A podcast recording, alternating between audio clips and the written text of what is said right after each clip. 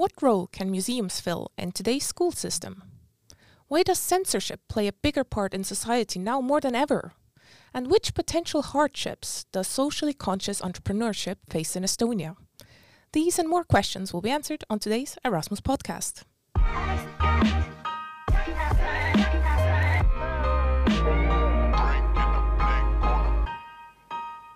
Welcome, everyone, to the Erasmus Plus and European Solidarity Corps podcast.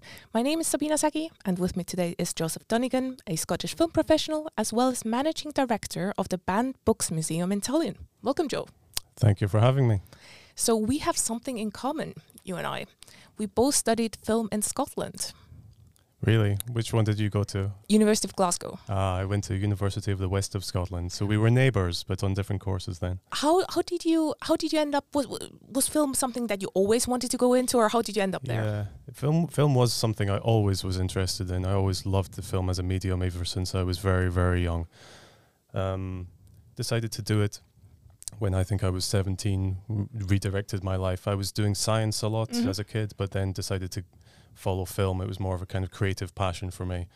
But there's a difference between you know just a passion and something that you actually want to make your hobby into career. Yeah, but I think I was 17 and idealistic, you Oh, know, and those had a- it was kind of my equivalent of, you know, making a uh, learning guitar and make, do- you know, I could never play the guitar, so I Mm. had to find some creative outlet, and film seemed like a good one. It was kind of, I, I like film as a medium. It's kind of uh, intellectual, but also very emotionally engaging. It's it's really fun. Although now I work in more of a technical pa- capacity. hmm I do a few different uh, kind of technical roles in the film industry here in Estonia as well. So this is a good segue. Uh, film studies, Scotland, and how did Estonia enter the picture there? uh, through my beautiful Estonian girlfriend. Ah, it's always the partner, isn't I it? know that's how they do it. That's how you guys do it. So did you guys meet over there? yeah, or? exactly. She was studying uh, music at the same uh, college I was studying film, and you know that's how it goes. That's how life goes. But I was very happy that she brought me across here. I've been very happy in Estonia. I've been here for, I think six, seven years, something. And yeah, I've you know started two companies and uh, you know gone to university here, and yeah, Mhm. very happy in this country. I like it very much. So you mentioned you you're do, working in, in technical roles, and before we started um, uh, recording, uh, you were very knowledgeable about all the cables that are uh, running around in the studio. um, so technical uh, side of filmmaking, but then you also went on to study at Tallinn University and the master's program for social entrepreneurship. So how w- where did that road lead you, or how how did that come about? I think it was because of uh, uh, a number of years spent on the technical side of filmmaking. You know, I feel like I wasn't, I wasn't uh, expressing myself creatively, and I wasn't making. Although it's nice to be part of the team and everything and Mhm. contribute towards uh, Estonian films or international advertisements and things like that, I didn't feel like I was having a big impact in the world, and I felt like uh, I wanted. I was looking for a new way to do that and looking for something to invest my life in, Mhm. and that's why I decided to make a change Mhm. and really started to think about okay what is uh, what is important in life what is a, a pressing issue in the world right now that i have strong feelings about and all of these kind of uh, led me to doing what i do now and So, so but, but the the the um, social entrepreneurship uh, MA. So what what what is it? What what do you guys do over there? Or what is the the course about? well social entrepreneurship broadly is well there's many different ways of uh, thinking about social entrepreneurship my way of thinking about it my de- working definition is a, a, a social enterprise is a business which has a social element to it Mm-hmm. or is providing for some social cause or is making a social impact. So, for example, if you're um, in my in my case, you know, I'm running a museum. Mm-hmm. I would consider this to be a social enterprise because we generate our own money. Mm-hmm. We sell books and merchandise, blah blah blah. But we are also doing it for educational purposes. The the objective is not to make a ton of money and to um, expand and scale Mhm. up as quickly as, as we can to make as big dividends for you know for our investors or anything like that. The point is to make a change in the world, and we're using business, conventional kind of business tactics, to accelerate that change.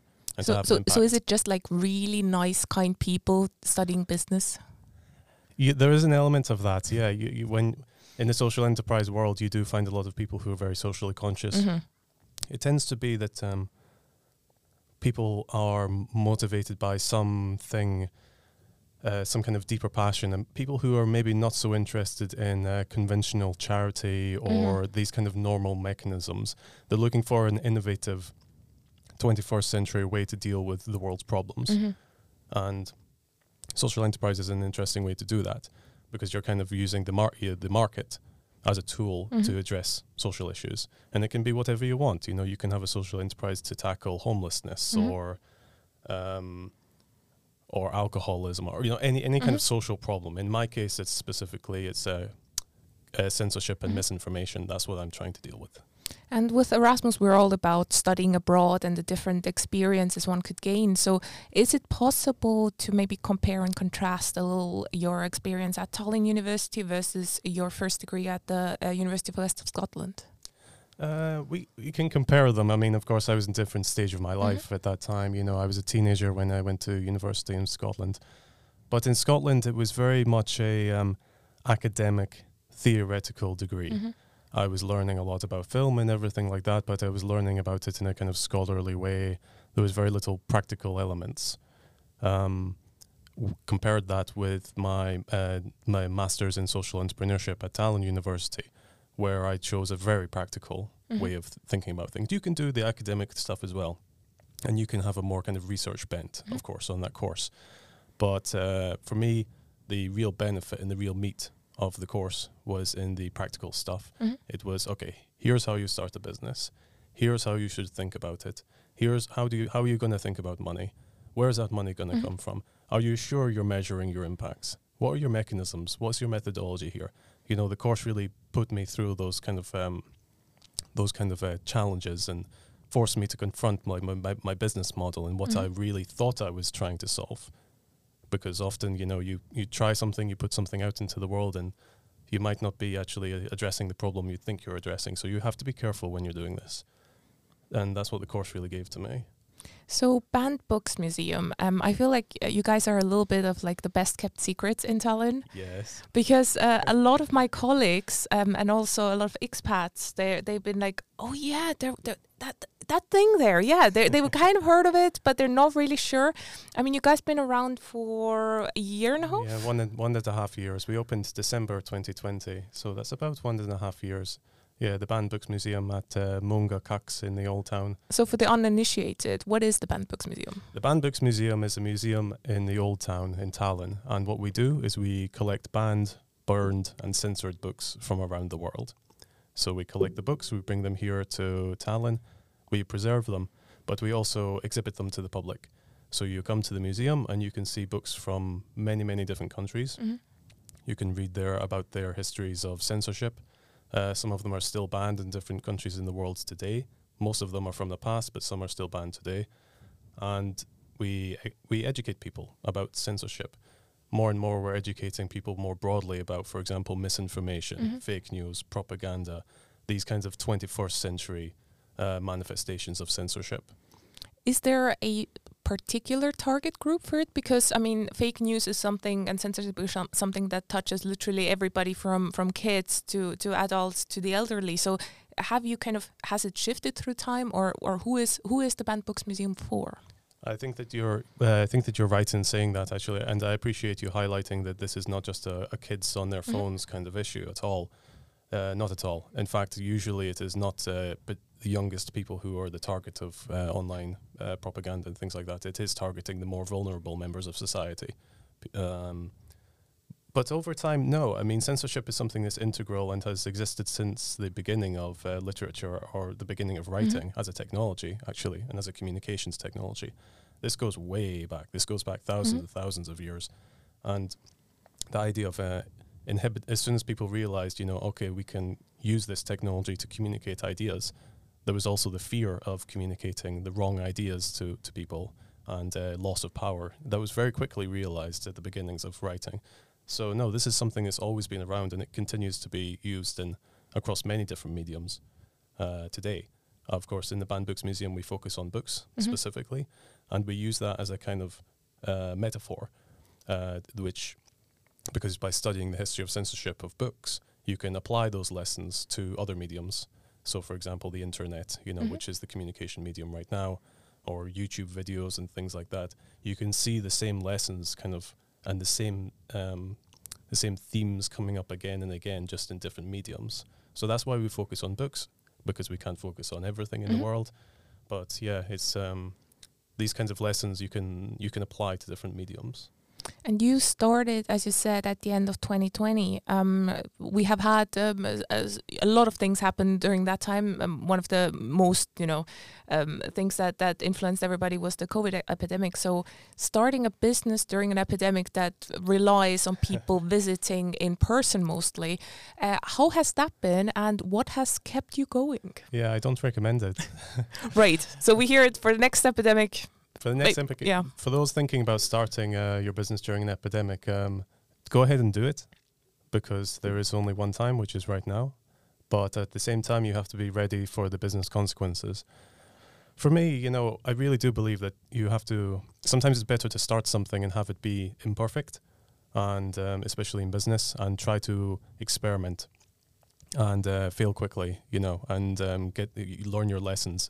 And if it's in the middle of a pandemic, well, you know, tomorrow there might be another pandemic. So you just have to roll with these kinds of punches. That being said, of course, our first year was very challenging. Mm. Uh, we were closed um, for, for months as soon as we opened, basically. We had very few visitor numbers. But it forced us to be innovative and it forced us to think about very deeply about what we're doing. And I don't regret opening In during any any kind of uh, you know things that you learned at that point to to maybe turn things around a little bit. Yeah, I mean, we immediately pivoted to online. Mhm. Uh, we used, uh, for example, our book club. We have a monthly book club, uh, which you can join at uh, www- www.patreon.com slash bannedbooksmuseum. And in our book club, uh, people pay one euro to 30 euros Mhm. a month uh, just to join our book club. And to be honest, most of the people don't even read the monthly book. they just join it because they, they love what we're doing in the Mhm. museum and they want to financially support us. And yeah, anything from one euros is, is really appreciated. And without those people, we would not have survived our Mhm. first year. Without those people. So the community effect and the necessity of having that in those situations where you can't control a business. It made a huge difference. It means so much to me to have like this community and to have these people who support us monthly. And actually, these people have become friends. They've become part of our lives. Some of them now, you know, they volunteer in Banned Books and they help out. You know, when we have when we have jobs to do, because we've become part of each other's lives. It's funny how the um, the pandemic kind of forced us to be innovative and maybe try things we wouldn't have necessarily tried. And um, some positive things actually came from it. So uh, you guys, you mentioned in Munga Street. So you're right by the church there, right? Yeah, we are. The church, uh, we're right uh, behind the Roman Catholic Church, which is on Vene. And uh, yeah, the church actually owns our property. We pay rent. How, how how's the church as a landlord? They're they're they're cool. They're they've been Do they fix the light bulbs and things? Uh, they they leave that to me. They leave that to me, but I can do that. fair enough, fair enough. If you, if you know your cables, you'll probably be fine in actually, sense. to be fair to them, you know, they obviously it's not that they um the person who actually deals with their finances, you know, is Mhm. like is like uh, they outsource that and things like that. But they've been very supportive. You know, they gave us a break during the pandemic on the rent Mhm. when we were closed, which I really appreciated. Um, so no, they've they've been, they've been cool about everything. They were a little bit concerned when we first uh, told them we're With, selling the, with the band part of the, band, books. part. Yeah, they were. Yeah. What, they asked me. Yeah, they called me up and asked me what that what exactly I was planning to sell in our in this place banned books.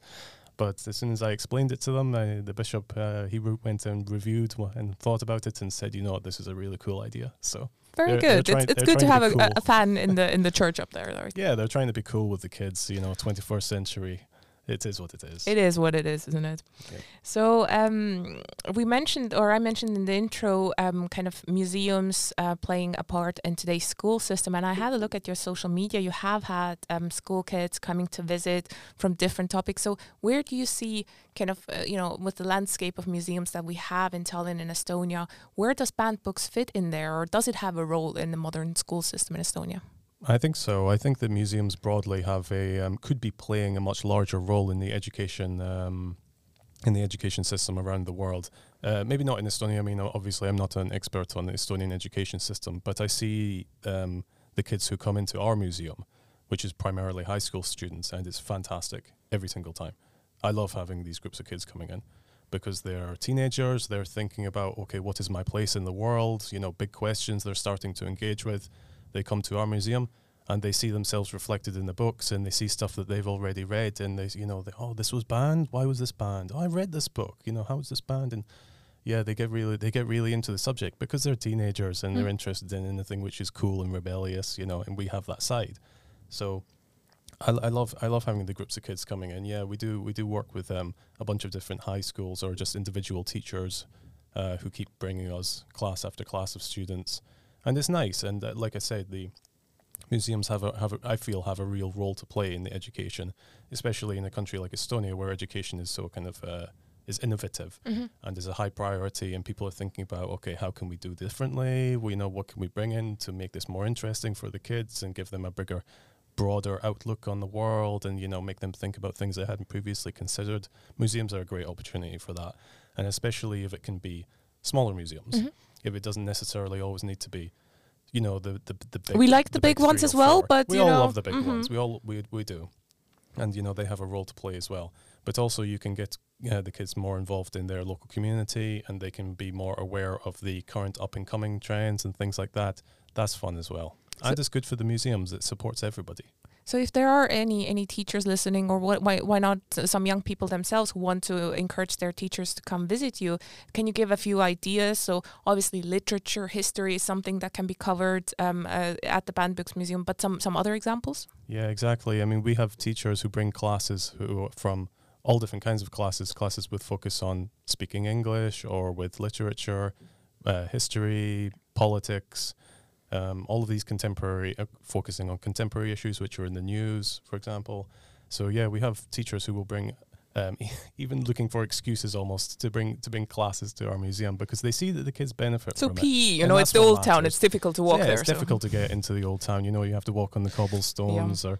We have we have uh, classes of like uh, Spanish, uh, mm-hmm. Spanish language classes and things like that coming in, and the kids light up, and it's something they hadn't seen before, and it's fun. Because you have a lot of books also in the original languages, obviously. Yeah, I try to, in the museum, we try to get the books in their original languages. Um, sometimes that can be very challenging, but for me, it's more important necessarily than having the books, um, having the visitors immediately able to understand. It's more important that you feel the book in your hands. Uh, you hold it, you see it, you see it as the author had written it, ideally, and yeah, you have that kind of a more emotional connection to the to the book. Then you're going to remember the story of its censorship. Then it's going to get you in a personal place. How do you collect the books? I have a variety of uh, sources. oh, okay, okay, fair enough. So is well, it it's mainly privately so sourced? It's not that people bring you the, the good stuff on the. Some people do bring us stuff, and those are the books which mean the most to me. Mm -hmm. I mean, of course, uh, we have a we have a, a few books, uh, maybe seven or eight, which are sent to us by the authors or publishers, mm -hmm. and for me, those are unbelievably meaningful. And I've made a few friends uh, actually with authors um, because of that. People who have come to us and said, "Look, I've been censored." I, my book has been banned. I want you to have a copy. Please tell my story, like for future mm-hmm. generations. And I think, my God, what a responsibility, but what an honor. It's just perfect. And this has happened a bunch of times, and we've ended up with a very strange range of like books from across the political spectrum, you know, and the, across the planet, things you would never think of. People who have contacted us and said, you know what, this resonates with me. But can you maybe pinpoint one or two that are your personal kind of you know feathers in your cap, your favorites, your your you know most well, prized possessions? I think the first the first one that came to us really meant a lot. Of course, it was sent by a uh, Latvian author, Santa Remere, and uh, she wrote a book last uh, I think two years ago called Mūsējās, which in Latvian means hours. Mm-hmm. And it's uh, it's basically a book of um, about uh, Latvian women. The idea is that it's a book uh, that mothers should read to their mm-hmm. daughters, mm-hmm. and this is 50 inspiring Latvian women but not necessarily all good women. Santa, as a writer, thought it was very important to include the more controversial parts of Latvian society as well, because these are women who are important in Latvian society. Unfortunately, people took exception and didn't really didn't agree with the inclusion of one particular uh, Latvian right uh, Latvian uh, uh politician mm-hmm. in the book. So they had this campaign against her, and there was an online campaign against her and and the book, and uh, she was kind of traumatized by the whole ordeal. And I was very happy to accept her book into the museum as part of almost her healing process mm-hmm. and dealing with this kind of trauma of having your book banned and having people on, on Twitter and online platforms coming after you. I mean, that's a horrible experience for any writer to go through. and it was very nice to be part of her healing process and to be and to accept our book into the collection and, and tell people, look, this happened in Latvia in 2020. In 2020, Mhm. this still goes on in your supposed uh, kind of uh, free Mhm. um, European European states. It's like no, no, no, no. We still we still go through these things, and we still try to censor things, and people still get angry and come after people. So I try to tell that story. Is there a book that you're really after for some reason that you just haven't been able to get your hands on, but that you think would fit perfectly in the collection that's really necessary to be showcased and and that, that but but has eluded you until now? Actually, there are uh, about one thousand of such books. Any any that I come to mean, mind? Well, here's I'll tell you what this is. Right now, uh, our focus is we have about 26 different countries represented. My objective is to represent every country. And we're going kind of country by country building up our collection. So we have a UK section, we have a Russia section, America section, China section, blah, blah, blah. But we are a little bit, although we have the Chinese stuff, you know, and, and some other countries, we're a little bit European focused. Mhm. And I'm addressing that moving forward. So our next section is going to be on India. And then after that, Nigeria and Brazil. You know, we're moving forward and expanding to represent as many different uh, major parts of the world as we can. So those books, uh, for example, I have a collection of 10, I have a curated list of 10 books from India, which have been banned since, uh, I think the earliest one going back is something from like the, the, or the the 1300s until present day. And so those books are on my current uh, high priority list of stuff to get. Um, as to particular titles, you know, I mean, I'm looking always for first editions or older, older versions. So something like um, Mahatma Gandhi's book, you know, that's in obviously in the collection, which we want to get to represent India. But if I can find an older edition, then that's that would be good. But that's uh, that's a challenge. That's an ongoing challenge, you know. So, um, in the intro as well, I mentioned um, about censorship today versus, you know, back in the day. Um, if you look around worldwide, there are so many instances of history being rewritten in a sense, and it it doesn't happen, uh, you know, happen just in, in in certain areas in certain countries. Is it? Can you give me hope? Are we going in the right direction, or is censorship just, you know, hiding itself better than than official commissions with a red pen? Is it is it more more hidden? Is it getting less? Where where are we with censorship in 2022? Well, of course, the technology is changing all around us, and the question is, uh, can we keep up with our technology and uh, make our technology work for our uh, our aims and objectives? Is the technology evolving faster than our um, than we can respond to it? Uh, that's a very challenging question. I mean, of course, right now, for example, we see you know major censorship having taken place, or an attempt at censorship taking place in Ukraine when they when Russian soldiers came in, they were coming into libraries. Now it turns out and removing books on Ukrainian history. This is something which is only now coming to light, Mhm. and it's like how how quickly can we respond to that? How quickly can we ensure that Ukrainian history is preserved in physical format, not just online, but the actual physical books as well can be uh, prioritized and preserved? Because these kinds of techniques are not unique to you know the recent incursion in Ukraine. This is a basic standard practice in countries around the world, and you know that's why I'm glad to be part of a kind of a part of the solution to this, and part of trying to find um, ways to preserve this kind of material and to combat censorship as it evolves. Um, but that's also why I focus on books because we can use them, like I said, as a metaphor. So people might come to the museum because they're interested in the literature and they learn the lessons of the books, but they see very quickly how these can be applied to, for example, uh, deep fake technology or literature which is published online, blogs, YouTube videos. It's the same stuff. I mean, censorship as a phenomenon doesn't really change. The medium changes. Is it, um, you know, we like to think that uh, Estonia, we're really big on startups. It's really easy to start. We have we have all these chances and opportunities, the the e-residency, which are great. But how do, would you um, describe Estonia as a as a socially conscious entrepreneurship destination? Is it is it, are there the hardships? Is it an easy? Is it a, a fruitful area to to start this kind of an endeavor? You can be honest. I think it's Estonia faces a number of challenges. Like every country, of course, has their own specific problems that they're facing, and Estonia is not special in that regard. although it has excelled, obviously, in the last 30 years in certain fields, like we talked about education. Um, there is, of course, a lot of um, people who are deeply concerned and motivated very deeply to solve the kind of social problems that we have in Estonia. I think that the third sector in Estonia is evolving. It is still at a de- developmental stage. It has been um, outpaced by the business by Mhm. business sector, which uh, has uh, which has been uh, first and highest priority in the last 30 years, which is for reasons I totally get, I understand, and it has done very well for many sectors in society, in Estonian society. I think the next uh, evolutionary stage in Estonia's development probably is the development of a healthy third sector. Mhm. Um, that's not to say that it isn't there. Of course, there are great people doing great work. Um, But even even from from my work, I, I can see with uh, Erasmus because um, inclusion, diversity, green initiatives are really uh, gaining momentum and and uh, they're getting the support from the EU. But it is difficult to to show the people applying how important these things are because they don't see the money in it. Maybe they don't see the sustainability in it yet. So it is a tough tough area. It is, but on the other hand, if I had a green uh, green startup, there are a few places I would prefer to start it in in Estonia and to at least uh, get it up and running and test it out and see if it works.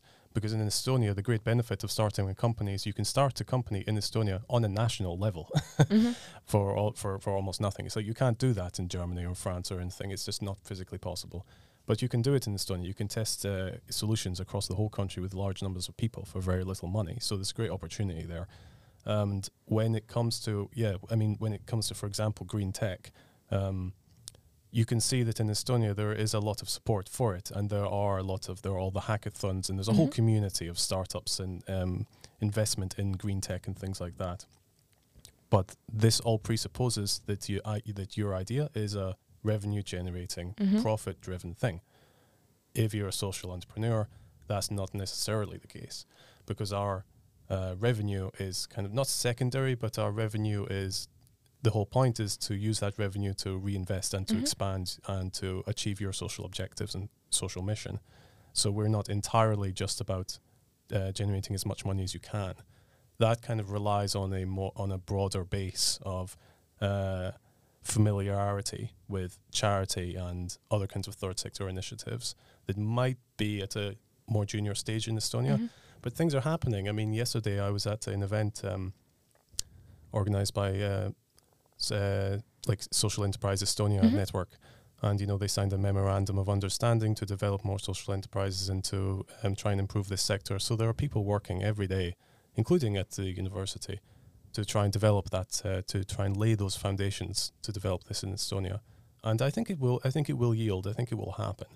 But in the current at the current stage, I feel like um, the third sector and social enterprises are almost a um, substitute for kind of government uh, Mhm. funding in a lot in a lot of areas. Mhm. There's a se- there's this idea that you know well. Here's some people who have a kind of clever idea about how to solve homelessness. Maybe we can, you know, instead of just solving the problem by throwing money at it, maybe we can invest in them and they're going to find a way to turn homelessness into solving homelessness into a business model. Mhm. Maybe. We see. So Banned Books Museum, we're a year and a half in. Where are we in five? International. I mean, my my So object my objective. the new is, uh, Starbucks. yeah, the new Starbucks. Exactly, one in every corner. You know, Why not? Why not? I mean, you said you want every country covered. Because we have been be plenty of special books. As well. We want to be special as well. Well, my objectives with banned books are first, uh, first and most importantly, to expand our current collection Mhm. and our community. Um, I would like to double the size of our collection in the next year, which seems like an achievable target actually, because we've had a lot of support and people keep coming to the museum and you know they keep buying books, which is amazing. And um, ultimately, my objective is to have a, a banned books museum at least on every continent. Mhm.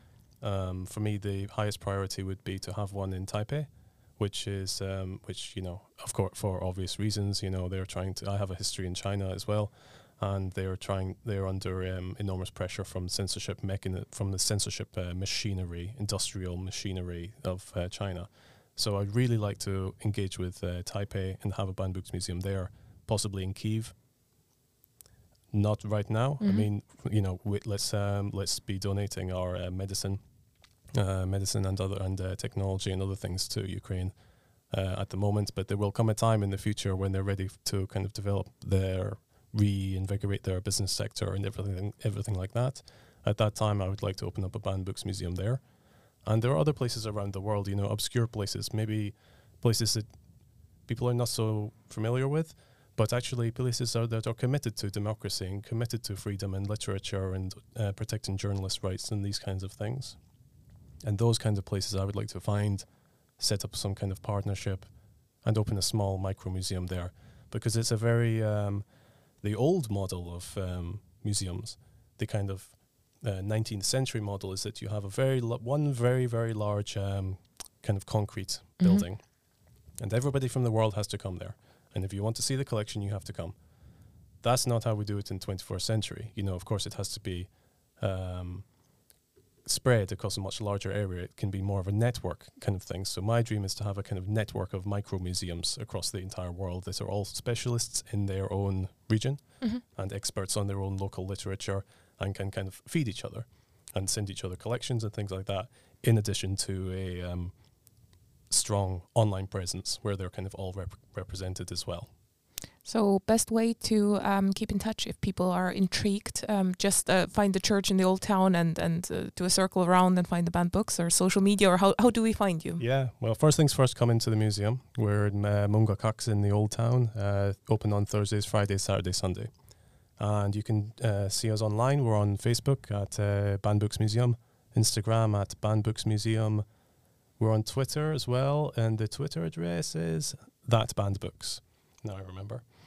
But yeah, the uh, best and most important thing for me is that people come physically into the museum, and uh, we'll come have a look around, learn about the history of censorship. We'll have a good chat. It'll be interesting. And uh, yeah, you're welcome to find more information about us on our website, bannedbooksmuseum.com. So, good luck with everything and thank you very much for being here today. Oh, thank you for having me. In the next episode, I will be speaking to two recent university students on some of the biggest self imposed fears stopping people from going abroad during their studies. Namely, what happens to my job and family responsibilities while I travel around the world? You can find more information about the Estonian Agency for Erasmus Plus and European Solidarity Corps on Facebook, as well as on Instagram by following the Erasmus Lood and euroopanoored.eu accounts. On behalf of the agency and the Education and Youth Board, thank you so much for listening and talk again soon.